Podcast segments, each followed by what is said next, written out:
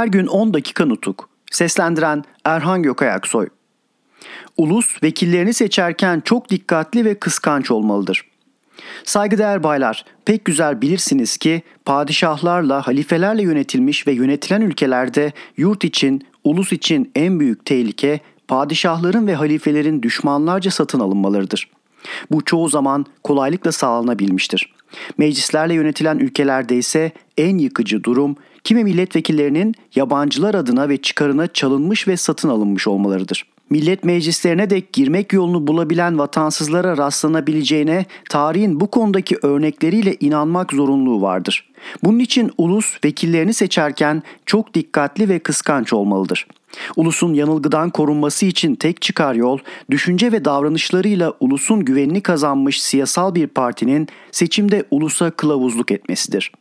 Genellikle ulus bireylerinin adaylıklarını ortaya atan her kişi için yargıya varılmasına yardımcı olacak sağlam bilgisi ve gerçeğe uygun görüşü bulunacağını kabul etmek kuramsal olarak varsayılsa bile bunun tümüyle doğru olmadığı denemelerin denemesiyle yatsınamayacak açık bir gerçek durumuna gelmiştir. Baylar sözümüzü bıraktığımız yere yani Batı cephesine dönüyorum. Gediz Savaşı'ndan ve onun maddesel ve manevi ve can sıkıcı sonuçlarından sonra Fuat Paşa'nın cephedeki komutanlık etkisi ve erki sarsılmış gibi görülüyordu. Kendisini komutadan çekmeyi zorunlu saymaya başladım. Tam bu sıradaydı ki Fuat Paşa Ankara'ya gelip görüşmek için 5 Kasım 1920 günlü şifreyle izin istedi. Karşılık olarak Ankara'ya gelmesinin uygun olacağını 6 Kasım'da bildirdim. Fuat Paşa için yapılan dedikodu ve gezici kuvvetlerin ordu düzen bağı üzerindeki kötü etkileri o denli sezilmeye başlamıştı ki 7 Kasım günü Ali Fuat Paşa'ya çok çabuk Ankara'ya gelmesi için buyruk vermeyi gerekli gördüm. Ali Fuat Paşa'nın Moskova Büyükelçiliğine atanması ve cephenin ikiye ayrılması kararı. Baylar artık Ali Fuat Paşa'nın Batı cephesine komuta edemeyeceği kanısına varmıştık. O günlerde Moskova'ya da bir elçilik kurulu göndermemiz gerekiyordu.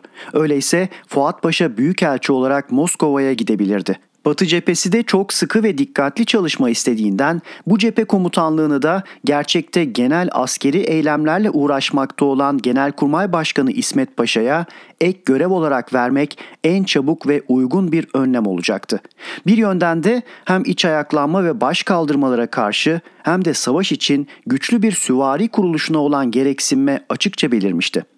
Yalnız bu kuruluşu meydana getirmek için de İçişleri Bakanı bulunan Refet Bey'e ek olarak bu görevi verip kendisini Konya ve dolaylarına göndermeyi uygun görüyordum. Çünkü Refet Paşa değişik zamanlarda türlü nedenlerle Konya'ya, Denizli'ye gitmiş, Batı cephesinin güney kesimiyle ilgilenmiş ve o kesimle ilişkisi bulunan bölgeleri tanımıştı. Bu duruma göre sorunu şöylece çözebilirdim. Cepheyi ikiye ayırmak, önemli kesimleri kapsayan alanı Batı cephesi diye adlandırarak İsmet Paşa'nın komutasına vermek, güney kesimini de Konya dolaylarına göndereceğim Refet Paşa'ya vermek ve her iki cepheyi doğrudan doğruya Genelkurmay Başkanlığı katına bağlamak. Genelkurmay Başkanlığı'na da Milli Savunma Bakanı bulunan Fevzi Paşa vekillik edebilirdi. Fuat Paşa zamanında cepheden Sivas'a dek uzanan yerlerde geri bölgesi vardı. Fuat Paşa bu bölgeyi yönetebilmek için de bir cephe komutanlığı vekilliği makamı kurmak zorunda kalmıştı. Bunun olağan dışı olduğu ve uygulanamayacağı besbelliydi. Bundan dolayı düzenlemede bu geri bölgesini de bir parçasını tamamlama alanı olarak cepheye bıraktıktan sonra Milli Savunma Bakanlığı'na bağlamak gerekirdi. İsmet Paşa'nın bir süre için Genelkurmay Başkanlığından ayrılmaması, ordunun düzene sokulmasında ve hazırlanmasında çabukluk sağlamak için yararlı görüldüğü gibi, Refet Bey'in de İçişleri Bakanlığı görevini geçici olarak üzerinde bulundurması, özellikle bölgesi içinde güvenlik sağlaması ve halktan hayvan ve gereç toplayarak kurmak zorunda bulunduğu süvari birliklerini çarçabuk kurması için gerekliydi. İvedilikle düzenli ordu ve süvari birlikleri kurmak ve düzensiz örgüt düşünce siyasasını yıkmak kararı. Baylar 8 Kasım 1920'de Fuat Paşa Ankara'ya geldi. Karşılamak için ben de istasyonda bulunuyordum. Fuat Paşa'yı omzunda bir filinta olduğu halde Kuvayi Milliye kılığında gördüm. Batı cephesi komutanına bu kılığı benimseten düşünce ve anlayış akımının bütün Batı cephesi üzerinde nedenli aşırı bir etki yapmış olduğunu anlamakta artık duraksamaya yer kalmamıştı. Onun için Fuat Paşa'ya kısa bir gerekçeden sonra yeni alabileceği görevi söyledim. Beğenerek kabul etti. O günün gecesi İsmet ve Refet Paşaları çağırarak yeni durumu ve görevlerini kararlaştırdık. Kendilerine verdiğim kesin yönerge çarçabuk düzenli ordu ve büyük süvari gücü meydana getirmekti. Böylece 1920 yılı Kasım'ının 8. günü düzensiz örgüt düşüncesini ve siyasasını yıkmak kararı iş ve uygulama alanına konulmuş oldu. Görünüşte yumuşak sanılacak bir siyasayla içeriden bizi çökertme girişimi. Saygıdeğer baylar, burada biraz durarak gözlerimizi İstanbul'a çevirelim. Damat Feritpaşa hükümetinin her türlü düşmanlarla ortak olan silahla sonuç almak planı uygulamada başarılı olamamıştı. İç ayaklanmalara karşı direndik ve savaştık. Yunan saldırısı en sonunda bir kesimde durdu. Yunanların ondan sonraki saldırıları da sınırlı bölgelerde kaldı. İç ayaklanmalar ve Yunan cephesi için sağlam karşı önlemler almakta olduğumuz görülüyordu. İçten ve dıştan gelen silahlı saldırıların özellikle Ankara'daki ulusal hükümeti sarsamayacağı anlaşılıyordu. Bundan dolayı İstanbul'un silahlı saldırı planı suya düşmüştü. Bunu değiştirmenin yeniden uzlaşma siyasasına döner gibi görünerek bizi içeriden çökertme politikası gütmenin daha yararlı olacağına inandıkları yargısına varılabilirdi. Tas tamam 1919 Eylül'ünde damat Ferit Paşa'nın birinci çekilmesinden sonra Ali Rıza Paşa hükümetinin gelmesinde olduğu gibi görünüşte bize yumuşak geleceğini sandıkları bir siyasayla bizi çökertmek girişimi yenilenecekti. Bundan sonraki savaşımlarımızda İstanbul aracılığıyla yapılan iç ve dış girişimlerle Yunan ordusuyla olduğu kadar ama anlaşılması ve anlatılması daha güç koşullar içinde güçsüzlüğe sürükleyici kışkırtmalarla ve içerideki bozgunculukla da uğraştığımız görülecektir. İstanbul'da Tevfik Paşa iş başına getirildi. Dahiliye Nazırı olarak Ahmet İzzet ve Bahriye Nazırı olarak Salih Paşalar hükümette bulunuyorlardı. Tevfik Paşa hükümeti hemen bizimle ilişki kurmak istedi. Bu görevi başlıca Ahmet İzzet Paşa üzerine aldı. Saray Kurmaylar Kurulu'nda bulunan bir subayı Ahmet İzzet Paşa bir takım notlarla Ankara'ya gönderdi. Bu notlarda eskisine göre daha elverişli koşullarla örneğin Osmanlı egemenliği altında İzmir'de Yunanlıların bir özel yönetim kurmalarını kabul etmek gibi koşullarla bir barış yapılması umudunda bulundukları, her şeyden önce de İstanbul hükümetiyle bir uzlaşmaya varmanın önemli olduğu bildiriliyordu. Ahmet İzzet Paşa'nın ve İstanbul hükümetinin Türkiye Büyük Millet Meclisi'nin ve hükümetinin niteliklerini ve yetkilerini bilmedikleri, bu yetmiyormuş gibi İstanbul'da bir hükümet kurmak ve o yoldan ulus ve ülke alın yazısıyla ilgili sorunları çözmeyi düşündükleri görülüyordu. Ahmet İzzet Paşa'ya ve Tevfik Paşa hükümetine durumu bildirmek ve iyice aydınlatmak amacıyla gereken bilgi ve düşünceleri ayrıntılı olarak yazdırıp Ankara'ya gelen özel görevliye verdik ve kendisini 8 Kasım 1920'de İnebolu'ya doğru yola çıkardık. 12 Kasım 1920 günü Zonguldak'tan Yüzbaşı Kemal imzalı kısa bir tel yazısı aldım. Bunda şifreli bir teli çekmek üzere İstanbul'dan gönderildim deniliyordu. Söz konusu şifreli tel Dahiliye Nazırı İzzet Paşa imzalıydı. İstanbul'da 9 Ekim 1920'de yazılmıştı. İstanbul'da iş başına getirilen Tevfik Paşa hükümeti Ankara ile ilişki kurma yollarını arıyor. Bu tel yazısında İstanbul'la Zonguldak arasında Fransız telsiziyle haberleşmeye Fransız temsilcisinin izin verdiği bildirildikten sonra hükümetle bir uzlaşma ilkesi kabul olundu mu? Kabul olunduysa nerede buluşulabilir ve oraya hangi yolla gelmek uygun olur diye sorulmaktaydı. İstanbul Posta ve Telgraf Genel Müdürü Orhan Şemsettin imzalı 11 Kasım 1920 günlü bir buyruk da Kastamonu Posta ve Telgraf Baş Müdürlüğü'ne geliyordu. Bu buyruk Ereğli Müdürlüğü'ne gönderilen özel bir mektubun zarfından çıkıyordu. Buyruk olduğu gibi şudur. Madde 1. Anadolu ile İstanbul arasında tel yazışmalarının hemen başlatılması istenmektedir. Madde 2.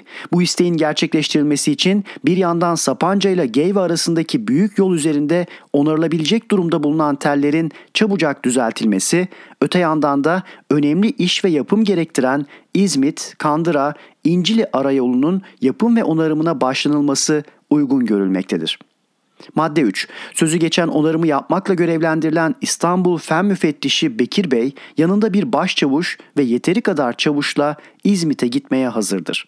Madde 4. Ellerinde Yüce Dahiliye Nazırlığınca verilmiş belge bulunan bu görevliler gereğine göre herhangi bir yerde çalışmak isterlerse ilgili makamlarla yazışarak gerekli yardımları sağlamanız Yüce İşbirliği'nin bilirliğinizden beklenmektedir. 11 Kasım 1920 Bu tel yazısı üzerine gerekenlere İstanbul'la ilişki kurmaktan kaçınılması ve telleri onaracağız diye gelen olursa tutuklanması için buyruk verildi.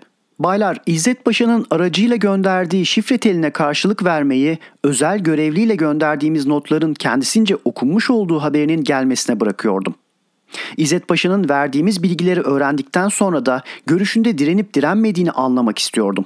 Bu anlaşıldıktan sonra İzzet Paşa'ya aracılarla şu karşılığı gönderdim.